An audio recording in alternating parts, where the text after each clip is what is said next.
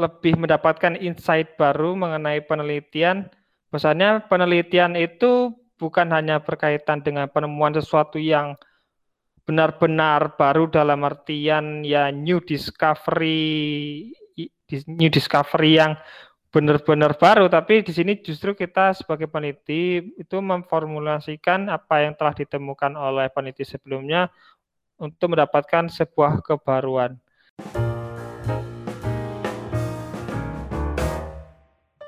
Hai, selamat sore session. Hai Intention.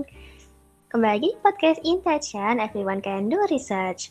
Jadi di podcast kali ini kita kedatangan tamu spesial yang bakal kita ajakin ngobrol bincang santai di sini dan kita ngobrolin tentang riset dan juga narasumber kali ini spesial banget karena udah berpengalaman di Pimnas dan hal yang mau Jesse highlight di sini yaitu uh, tentang riset. Kebetulan banget narasumber kita ini uh, bisa menambah wawasan kita kalau ternyata riset itu nggak melulu tentang teman-teman dari Saintek. Oke, langsung aja kita undang. Kak Zihat. Halo, selamat sore Kak Jessica. Selamat sore semua. Hai. Gimana kabarnya? Jadi yang tanya itu. Alhamdulillah baik. Ini makasih banget udah datang. Gimana nih kabarnya habis lebaran nih? Alhamdulillah. Kalau udah tua kayak biasa aja sih lebaran karena nggak dapat uang mungkin ya. Jadi kalau ke, ya. pas kecil dulu kan banyak dapat uang saku gitu kan ya. Kalau udah gede kayaknya nggak pernah dapat aku. ya, tapi aku masih dapat ya. Ini kok jadi ngobrolin ampau. Oke, jadi di uh, kita ngobrol seru di Intention Podcast hari ini. Makasih banget udah kedatangan Zihat. Uh, sebelum aku kenalin CV-nya nih asik. Boleh dong kenalan dari Zihatnya sih. Zihat ke teman-teman section. Oh. Oke, okay. aku sebenarnya orang biasa sih. Kenalkan nama aku Muhammad Ziyad Islami, saya mahasiswa Fakultas Filsafat angkatan 2018 dari Universitas Gajah Mada.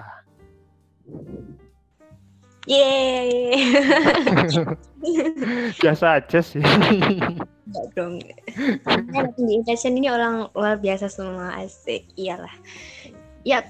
Jadi section kita kedatangan lihat dari filsafat 2018 Universitas Gajah Mada. Nggak salah ya, tadi 2018 atau 2020 nih. Bener, bener. Oh, ya, bener kita bener. sangkatan nggak sih? Oh iya dong. udah, udah gitu. Jadi um, kita mau Q&A seru-seruan biasa aja sih sebenarnya. Ini kita bincang santai aja karena kita sore-sore ya vibe-nya juga masih bisa dibilang belum terlalu deket ujian jadi nggak terlalu ini ya nggak terlalu tegang santai aja kita mau ngobrolin tentang uh, hal-hal timnas kan dengar-dengar nih sihat uh, alumni Timnas asik. Terus juga prosesnya, terus sharing juga tentang gimana ketertarikan dan juga awal mula bisa kenal sama riset gitu. Terus uh, tips juga melakukan riset. Tapi sebelum itu, aku mau kenalin ke section semua tentang Sihat. Sihat ini nama lengkapnya yaitu Muhammad Sihat Islami. Dia um, pendidikannya dari Sidoarjo kebetulan juga satu daerah sama Jessie dari Sidoarjo. Kemudian melanjutkan di Universitas Gajah Mada jurusan filsafat. Oh, juga banyak oh, kegiatan, pelatihan, juga oh, skill ya yang dimiliki oleh Sihat ini. Kebanyakan memang tentang social humanity, terus juga ada scientific writing, public relations, general administration, dan ini mostly kayak uh, lebih banyak menjurus ke bagian tulis menulis atau uh, riset publik seperti itu. Terus juga aktif di berbagai kegiatan dan juga project dan juga volunteer. Uh, suka banget nih ada volunteer. Lakukan volunteer di Mahadana 4.0 Project Isaac UGM. Uh, anak Isaac. Seneng banget nih ngobrol sama anak Isaac. Terus juga uh, bronze medal dari presentation timnas 33 PKM PSH. Uh, plok plok plok plok plok.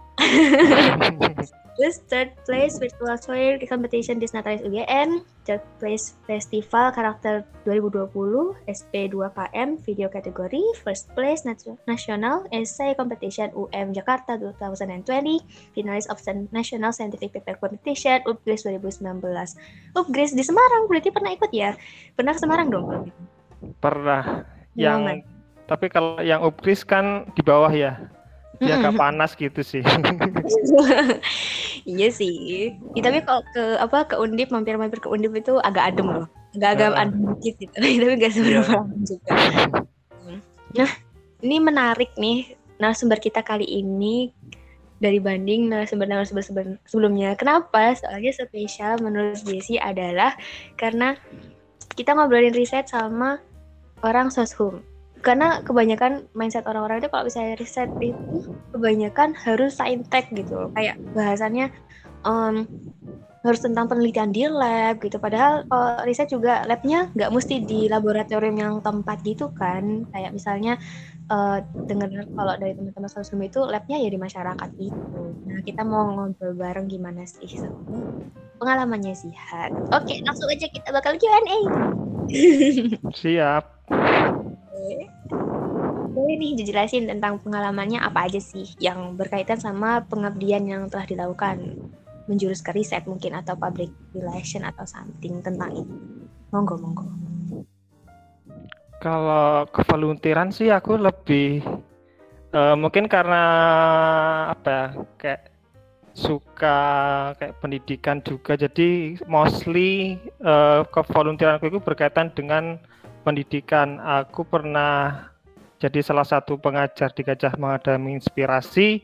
Nah itu kayak kita mendidik uh, anak SD, mostly itu kita mendidik karakter mereka atau misalnya kan uh, kalau misalnya di pendidikan eh, anak SD biasa kan uh, kayak bahas tentang pengetahuan alam, matematika dan pengetahuan umum lainnya. Tapi kalau di Gajah menginspirasi, aku berusaha bagaimana uh, kita seorang pendidik, pendidik volunteer itu mengajarkan mereka tentang kayak moralitas, bagaimana menyiapkan masa depan mereka, kayak kita membuat rencana kayak games itu berkaitan dengan apa sih cita-cita yang mereka ingin gapai, terus apa uh, yang mereka inginkan di masa depan kelak nanti. Terus yang di ISEC juga kemarin itu ada juga yang berhubungan dengan pendidikan juga. Nah, di situ uh, lebih kita bersama orang-orang uh, internasional dari Maroko, China, dari Vietnam itu mendidik anak-anak SD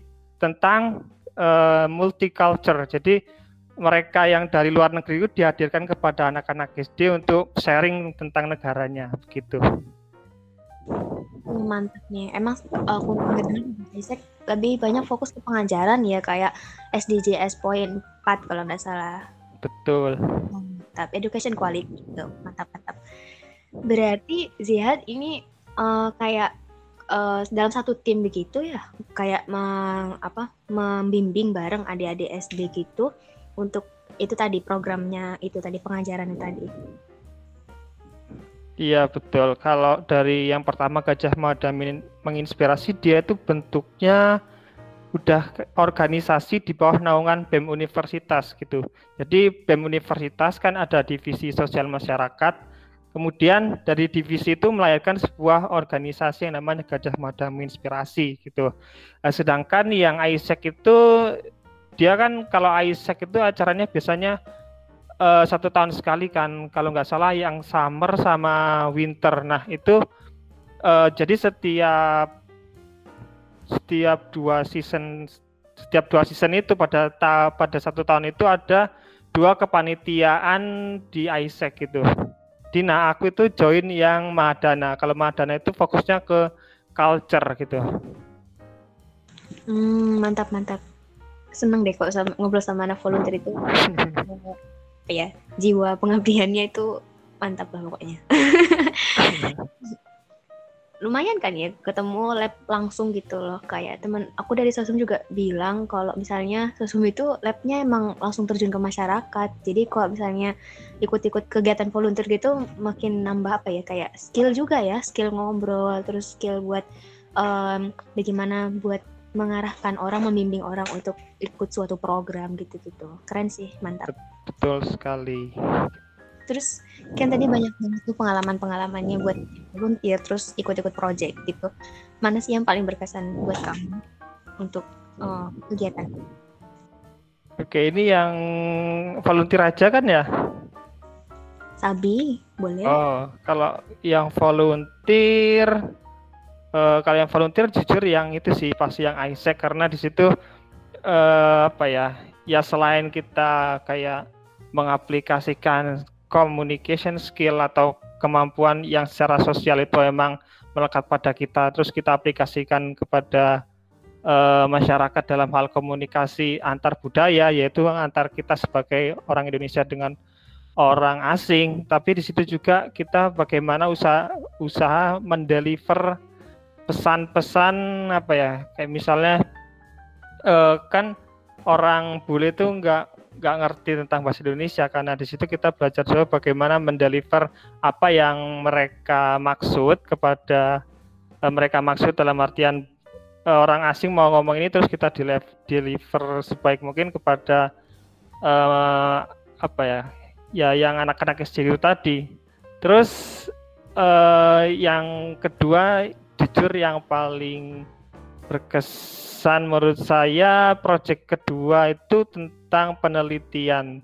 Nah, itu sebenarnya penelitian saya pertama dalam seumur hidup saya yang yaitu pada tahun 2019 yaitu pada saat itu kan aku awal-awal jadi maba kan. Nah, di situ aku uh, pertama kali ikut PKM dan di situ didanai. Yang paling menarik bagi aku bukan didanainya aja sih, tapi kayak aku pertama kali riset tapi langsung terbang ke Gorontalo itu bener-bener kayak apa ya di luar dugaan uh, aku karena orang nggak pernah belajar riset sebelumnya tapi menantang diri langsung langsung apa ya langsung terbang jauh terus langsung penelitian di tempat orang yang sangat jauh dari ekspektasiku gitu sih. Gitu Jess. Oh mantap banget. Emang kayaknya yang paling berkesan tuh yang sekaligus paling menantang ya. Kayak kita berusaha apa bukan berusaha sih kayak uh, menemui hal baru gitu loh yang nyenengin. Termasuk tadi riset sih. Emang aku sendiri juga kalau misalnya riset pertama kali riset itu uh, bukan masalah didanainnya sekaligus uh, apa ya bukan sekal bukan tentang didanainnya emang. Kayak itu cuma bonus gitu. Kayak pengalamannya sama gimana kita bisa ngelakuin riset itu tuh bener yang seru. Mantap mantap suka banget.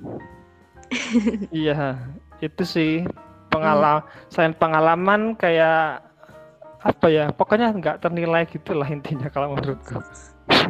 Mantap. Terus nih kan oh ikut uh, pengabdian terus ikut banyak project gitu kan kayak apa sih motivasi ada motivasi khusus nggak kira-kira buat ikutan project-project gitu? Biasanya kan uh, apalagi maba nih jarang gitu kan yang belum pernah kenal sama riset gitu kan banyak banget gitu jarang yang bisa terjun langsung ke project terus bisa seneng gitu loh kira-kira apa nih motivasi ada motivasi khusus kah? Uh, uh, Oke, okay. uh, jujur dulu saya sebenarnya uh, masuk kuliah di jurusan filsafat game itu kayak apa ya? Dulu itu kayak gambling gitu dulu asal daftar terus nggak tahu apa-apa tentang filsafat, nggak tahu apa yang harus dipelajari, nggak tahu pokoknya apa sih kontribusi dari ilmu filsafat itu aku juga nggak tahu karena karena itulah sebenarnya aku berusaha untuk menggali kayak lebih jauh sebenarnya apa sih yang bisa dikontribusikan ilmu filsafat terus aku sempat tanya ke Kating juga sih apa prospeknya. Terus selama kuliah apa yang bisa aku lakuin? Terus di situ nemu kayak ada program PKM nih. Nah ini menarik buat aku karena uh, jujur setelah saya ikut PKM saya merasa lebih gimana ilmu filsafat yang saya pelajari di masa kuliah itu benar-benar dapat diaplikasikan dalam menjawab persoalan dalam uh, dalam sosum karena kan ciri utama filsafat itu sendiri kan kritis, terus dia selalu memahami sesuatu secara menyeluruh, komprehensif. Nah, di situ menjadi daya tarikku sendiri sekaligus kompetensi yang aku miliki tentang riset gitu. Karena dalam penelitian filsafat yang diaplikasikan kepada masyarakat itu bukan penelitian yang mendasar topiknya, melainkan lebih dari itu. Kita berusaha untuk memahami nilai-nilai pada masyarakat, kita berusaha untuk uh, apa ya, menggali lebih dalam pemahaman yang ada pada masyarakat, terus menggali aspek-aspek yang sebenarnya itu me, uh, normal atau misalnya berkaitan tentang standar kecantikan itu kan selama ini kita menganggap kulit putih dan sebagai standar kecantikan itu kan sebagai hal yang normal tapi dalam filsafat dalam hal ini filsafat postmodernisme nah ini menjadi aspek yang perlu dikritik nah ini yang menjadi menarik e, dalam dalam bidang PKM karena setelah e, saya mengangkat topik soal kecantikan itu justru yang membuat saya alhamdulillah mendapatkan medali di Pimnas gitu. Mantap. Gorontalo ya? Kalau tidak salah aku pernah ke Manado Gorontalo. Terus sebelahnya itu sebelahnya Goro, sebelahnya Manado sebelum ke Gorontalo itu juga ada daerah yang dia uh, memang masyarakatnya di sana itu cenderung berkulit putih dan cantik banget sih emang kalau cewek-ceweknya. Berarti risetnya memang di sana karena itu karena tema risetnya tentang tadi ya uh, bukan yang itu itu yang yang Pimnas kan yang tahun 2020 ya itu yang tentang soal kecantikan. Tapi kalau hmm. pas maba itu yang angkat yang 2019 aku ngangkat tentang tradisi kitan perempuan. Nah, ini sebenarnya menarik juga sih karena kan uh, per, persoalan masalah persoalan atau masalah dalam risetku itu ada kayak benturan dua nilai sekaligus dalam tradisi kitan itu yaitu yang pertama berkaitan dengan nilai nilai-nilai budaya mereka yaitu masyarakat Gorontalo yang menjunjung tinggi agama Islam eh, yang di situ ada sebuah himbauan yang katanya perempuan itu harus melakukan kitan perempuan. Tapi di satu sisi hal ini justru bertentangan dengan uh, eh, SDGs atau dalam artian yang lebih ringkas kayak ini malah justru kayak apa ya melecehkan perempuan. Nah di situ menarik juga sih menurutku. Tapi yang itu nggak dapat timnas soalnya ya mungkin karena aku masih kayak gelagapan dulu pas ikut PKM jadi kurang maksimal sih. Hmm, hmm, hmm. tapi aku dengar idenya menarik banget buat di apa namanya buat diangkat memang. Jadi nggak salah sih emang kalau masuk. Bagus bagus bagus bagus. Mantap. Terus lanjut. Um, ini. Kan keluar berarti keluar kota otomatis juga keluar provinsi keluar pulau bahkan. Hmm. ada nggak sih kayak uh, dari keluarga itu kayak kurang kurang setuju atau kayak Ih, jangan sana deh jauh gitu cari kenapa nggak di sini sini aja gitu. Gimana? Ada nggak sih tantangan kamu atau apa kayak cara kamu gitu untuk meyakinkan keluarga gitu kalau ini tuh uh, baik gitu ini tuh apa ber, aku kapan lagi dapat kesempatan kayak gini buat ikutan kegiatan kayak gini gimana Oke, kalau uh, keluarga khawatir ya just, uh, ya pasti khawatir lah. Apalagi kan yang selama ini anaknya ya jujur aku sebenarnya pendiam dan gak pernah ke mana-mana. Itu orang tua pasti pasti cemas mengenai hal itu. Tapi karena aku berusaha meyakinkan kepada orang tua uh, bahwasannya ini adalah sesuatu yang penting bagi bagi apa ya masa kuliahku dalam artian saya akan mendapatkan pengalaman. Terus pokoknya intinya aku meyakin kepada orang tua ini adalah sesuatu yang yang memang aku perlu lakuin dan alhamdulillah disetujui aja sih. Gitu. Hmm, tapi pasti kan dari orang tua kayak agak ya udah kayak masih masih agak-agak khawatir gitu kan. Eh kamu keluar pulau loh, kamu ke orang ke daerah orang gitu. Apalagi cara keluar kan. oh, benar. Aku penasaran dari PKM-nya nih. Kamu uh, terjun pertama kali kayak diajakin buat ikutan PKM, apalagi maba kan belum pernah belum pernah apa belum pernah nggak gitu tentang riset, apalagi tentang riset sosum gitu. Kira-kira uh, apa yang bikin kamu tertarik buat ikutan? Mungkin dari awal kayak masih belum ada gambaran PKM itu apa, terus masih masih ragu buat ikut itu kira-kira yang bikin kamu uh, ayo deh aku pengen coba gitu. Adakah? Mm -mm. Uh, ya emang dulu nggak tahu apa-apa sih tentang riset. Uh, nah itu dulu awalnya aku diajak di kayak ada broadcast dari cutting ikut PKM dan terus aku kayak pengen nyoba-nyoba aja sih. Dulu awalnya nggak terlalu niat pengen pengen kayak Pimnas terus dana itu enggak tapi kayak dulu awalnya iseng-iseng tapi setelah saya dan alhamdulillah di dana itu kayak eh apa ya motivasi terbesarku ya itu tadi yang aku udah jelasin bahwasanya aku pengen eh, menggunakan practical skill yang aku pelajari di filsafat untuk menyelesaikan atau memandang permasalahan-permasalahan yang ada pada masyarakat gitu sih, Jess. Iya benar sih. Terus um, kan udah jadi alumni Pimnas nih, OS. Pasti beda dong uh, pengertian atau definisi riset menurut Zihat yang sebelum jadi alumni Pimnas sama Zihat yang sudah jadi alumni Pimnas. Asik. Ada sih. Harusnya ada. Harusnya. uh, research. Jadi kan riset itu berasal dari kata re dan search. Kalau misalnya search kan cuma mencari, sedangkan re itu ada sebuah pengulangan.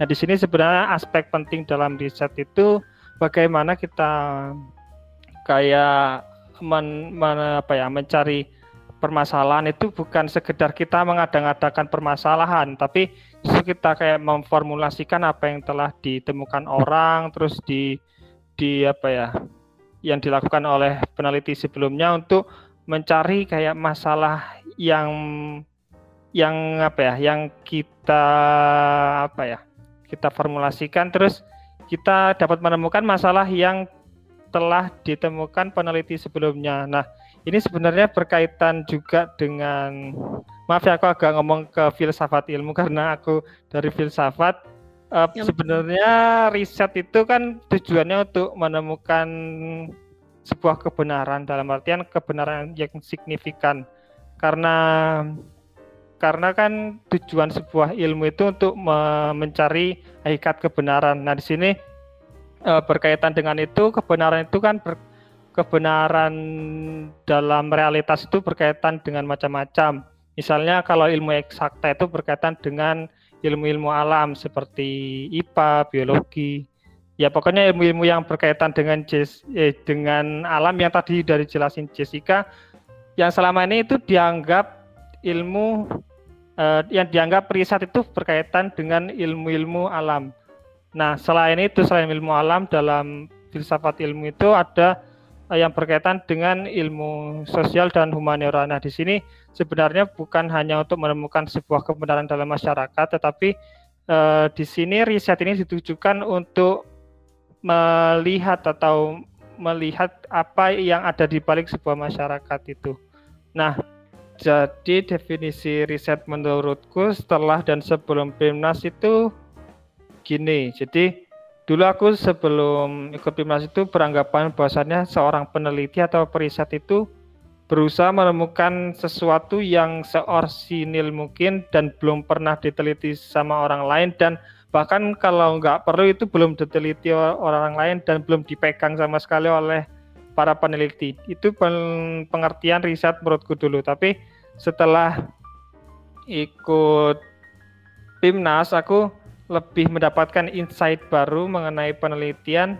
Misalnya penelitian itu bukan hanya berkaitan dengan penemuan sesuatu yang benar-benar baru dalam artian ya new discovery new discovery yang benar-benar baru tapi di sini justru kita sebagai peneliti itu memformulasikan apa yang telah ditemukan oleh peneliti sebelumnya untuk mendapatkan sebuah kebaruan. Karena definisi ilmu itu sendiri atau secara lebih khusus ke riset itu kalau aku belajar dalam filsafat ilmu itu berkaitan pencarian hakikat kebenaran. Misalnya kalau dalam ilmu-ilmu alam kan berkaitan dengan mencari uh, kebenaran mengenai apa ya, mengenai alam misalnya biologi. Kita menyelidiki uh, kebenaran yang ada di kayak kayak ilmu hayati terus pokoknya kayak sesuatu yang berhubungan dengan makhluk hidup gitu kan kalau begitupun dengan fisika kita berusaha untuk menemukan apa ya kebenaran yang signifikan tentang senyawa-senyawa kimia tentang pokoknya berhubungan dengan kimia. E, begitupun dengan ilmu sosial humaniora. Di sini ilmu sosial humaniora itu bukan hanya kita melihat masyarakat aja, tapi berusaha untuk menyelidiki, terus e, menemukan apa ya kayak aspek aspek e, realitas dalam sosial itu seperti apa, terus kebenaran dalam realitas sosial itu seperti apa, gitu, Jess. Oke mantap, dapat bonus pelajaran filsafat. gitu. Gak apa-apa. Uh, dari sini benar-benar aku mendapat masukan dan insight tambahan insight baru lagi. Seneng banget. Oke. Jadi bisa mungkin aku uh, ulas ya rangkum kembali dari obrolan kita dari awal tadi tentang pengabdian masyarakat volunteer terus pengembangan skill dan labnya social humaniora people asik. Itu ternyata uh, kurang lebih kalau aku lihat enggak jauh beda dari teman-teman saintek gitu oh, dan juga uh, mungkin um, yang bisa kita tarik garis merah sama kesamaan kita uh, dua bidang besar ini sosial humaniora dan juga saintek itu sama-sama intinya cari something hasil gitu kan dari kayak pengembangan-pengembangan yang sudah ada dari dulu dan juga menyambung dari pernyataan uh, pertanyaan terakhir dari Jessica tadi tentang apa sih riset menurut kamu, definisi riset menurut kamu sebelum dan sesudah ikut timnas nih. Ternyata benar di situ riset itu nggak selalu inovasi baru, nggak benar-benar baru, a novel of, no, nggak harus seperti itu teman-teman section yang berbahagia. Jadi benar-benar kalau misalnya riset itu pengembangan dan kembali lagi uh, meninjau terus melihat juga teori-teori yang sudah ada sebelumnya untuk membuat sesuatu yang lebih berkembang, lebih baru dan juga lebih memiliki nilai tambah dari sebelumnya. Mantap. Jadi kurang lebih gitu ulasan obrolan kita yang cukup panjang ini dan singkat. Panjang atau singkat sih? Lumayan lah. ya. iya itu oh ya mau satu nih mau satu terakhir uh, mungkin apa ya kayak penyemangat kata-kata penyemangat kamu buat teman-teman section yang masih mungkin masih ragu untuk ikutan uh, masuk ke dalam dunia riset. Apalagi teman-teman yang dari soshum nih yang merasa ah aku dari soshum biasanya riset kan dari saintek. Gimana nih supaya mereka semangat tetap terjun dalam bidang riset? Oke, ini sebenarnya uh, agak itu sih agak agak gampang jawabnya. Gini. Uh, kita tahu kan di Indonesia itu permasalahan bukan hanya berkaitan dengan ilmu saintek kayak uh, biologi, terus kimia, terus geologi, teknik dan lain-lain.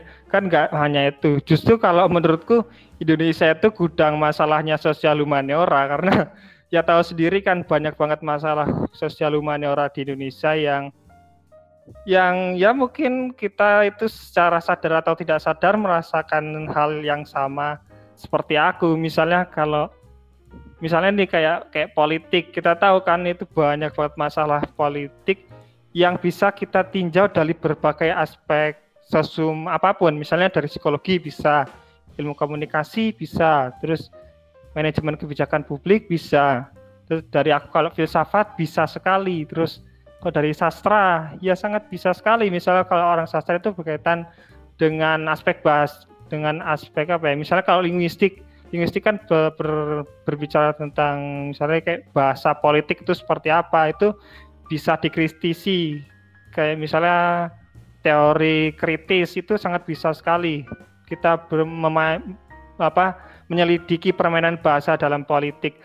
Intinya sih, yaitu tadi Indonesia itu gudang masalah sosial humaniora. Jadi bagi kalian yang mungkin bingung mencari atau uh, apa ya, mencari semangat untuk terjun penelitian sosial humaniora itu kalian ya sebenarnya yang paling penting itu kalian harus peka dan harus harus apa ya harus mampu me, apa ya melihat kesempatan atau berbagai berbagai peluang yang bisa kita aplikasikan dari ilmu kita untuk untuk apa ya kayak melihat masalah yang sangat banyak bejibun di Indonesia tentang sosial humaniora itu. Gitu, Jess. Oke, terima kasih Kakak Jihad. Menginspirasi sekali ya teman-teman section. Jadi jangan pernah uh, putus harapan kalau misalnya kamu bukan dari saintek tapi enggak ada uh, kesempatan untuk riset, enggak banget. Jadi riset itu untuk semua bidang dan juga masalah untuk kita angkat di riset itu banyak banget dan juga kenali dan juga apa ya kayak dalamin saja masalah yang akan kalian ambil untuk di riset kalian. Jangan nyerah dan tetap belajar untuk ikut riset. Terima kasih Zihad udah bareng-bareng Intention bagi-bagi ilmu, pengalaman dan juga bonus kelas filsafatnya. Iya. Sama-sama Jessica. Ya udah untuk session semua bagi yang masih kepo tentang intention bisa kepoin Instagram kita di intention.id dan juga terus cek di Spotify intention podcast intention dan karena kita yakin sesuai tagline everyone can do research. Terima kasih. Selamat sore. Bye bye.